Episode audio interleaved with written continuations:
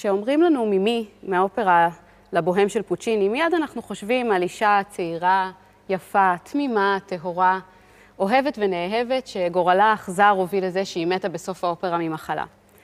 אבל האם זו באמת האישה שפוצ'יני התכוון לתאר לנו? אם אנחנו מסתכלים רגע על הקונטקסט שבו פוצ'יני כתב את האופרה הזו, והרצון שלו לכתוב אופרת וריזמו אמיתית, ואנחנו מסתכלים גם על ההקשר ההיסטורי והחברתי שבה נכתבה האופרה, אנחנו מתחילים לתהות האם מימי היא לא אישה אחרת ממה שאנחנו רגילים לחשוב. אולי מימי בכלל גריזטה, אחת מאותן נערות או נשים צעירות ממעמד נמוך, אה, שמחפשות אה, לחיות חיים קצת יותר טובים, מחפשות אה, גבר עם מעט יותר כסף אפילו ממה שיש להן, נותנות לו יחסים או אינטימיות, ובתמורה מקבלות ארוחת ערב טובה או כמה ימים של כיף והנאה ברחובות פריז. ואם זו מי שממי באמת הייתה, אנחנו יכולים להסתכל אחרת על הדמות שלה לכל אורך האופרה, ובמיוחד באריה הראשונה, שהיא המפגש המכונן עם רודולפו. אה, ויכול להיות שהמפגש המקרי כביכול הזה לא היה כל כך מקרי, ושהכוונות של מימי הן מאוד מאוד ממוקדות מההתחלה. יכול להיות שמימי לא במקרה דפקה על דלתו של רודולפו בדיוק כשכל שאר החבורה יצאה מן הדירה. יכול להיות שלא במקרה הנר שלה נחבא רגע לפני שהיא נכנסה כדי שהוא יציל אותה. אנחנו גם רואים אחר כך שהיא מכבה בכוונה את הנר, גם כשהוא כבר מדליק אותו, כדי להעריך את המפגש ביניהם. היא מיד שותה את היין שהוא מציע לה בלי שום היסוס, וגם כל האופן שבו היא מציגה את עצמה לאורך האריה הראשונה, יכול להיראות תמים, אבל אם אנחנו מסתכלים עליו מנקודת מבט אחרת, אנחנו רואים שממי יש לה כוונות אחרות.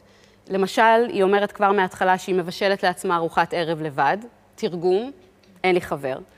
אחר כך היא אומרת, אני לא תמיד הולכת למיסה בכנסייה, תרגום, אני לא ילדה טובה ירושלים, אבל מיד היא מסייגת, אבל אני כן מתפללת כשצריך, כלומר, אני גם לא מופקרת. ואחר כך היא שוב חוזרת על זה שהיא חיה לבד, כלומר, אל תדאג רודולפו, אף אחד לא יפריע לנו. ופוצ'יני, כמובן, כרגיל, צובע את האריה הזו אה, בכל הצבעים המדהימים האופייניים לו, שמתארים לנו בדיוק את מה שהוא רוצה שאנחנו נרגיש בכל רגע, אה, ומשקפים את ההפכפכות הזו של, אה, של מימי ואת דו המשמעות בכל משפט שהיא אומרת. כך למשל, במשפט שהיא מדברת על הכנסייה, הלאה, בואי, בואי נדגים רגע את המשפט הזה.